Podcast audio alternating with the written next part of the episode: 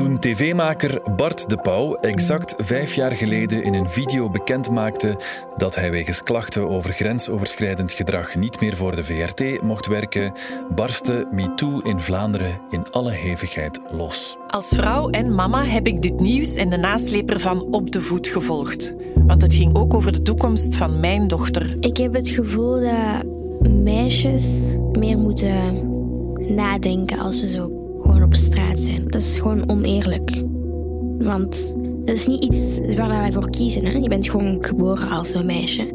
En dat beslist meteen een heel groot pad in jouw leven. In de vijfdelige podcast Na de Storm onderzoekt Veerles Segers samen met de redactie van De Standaard wat er intussen veranderd is. Ik moet ergens de lente in dit zien.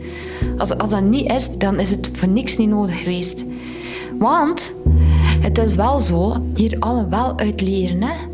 In onze hoofden Voor mij zijn dat groeipijnen in de emancipatie van de vrouw en de, de gelijkwaardigheid van mannen en vrouwen. in onze gesprekken Een van de verdiensten van MeToo is, zeker in Vlaanderen, is dat er meer openheid gecreëerd is om daarover te discussiëren, om te zeggen ik vind dit niet fijn en eigenlijk aan de andere persoon te vragen om het dan niet meer te doen.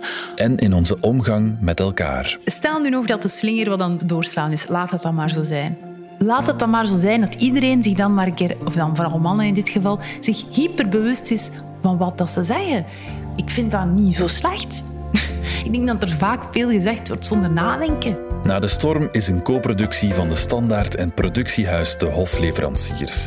De reeks vind je vanaf 9 november in de app DS Podcast of je favoriete podcast-app.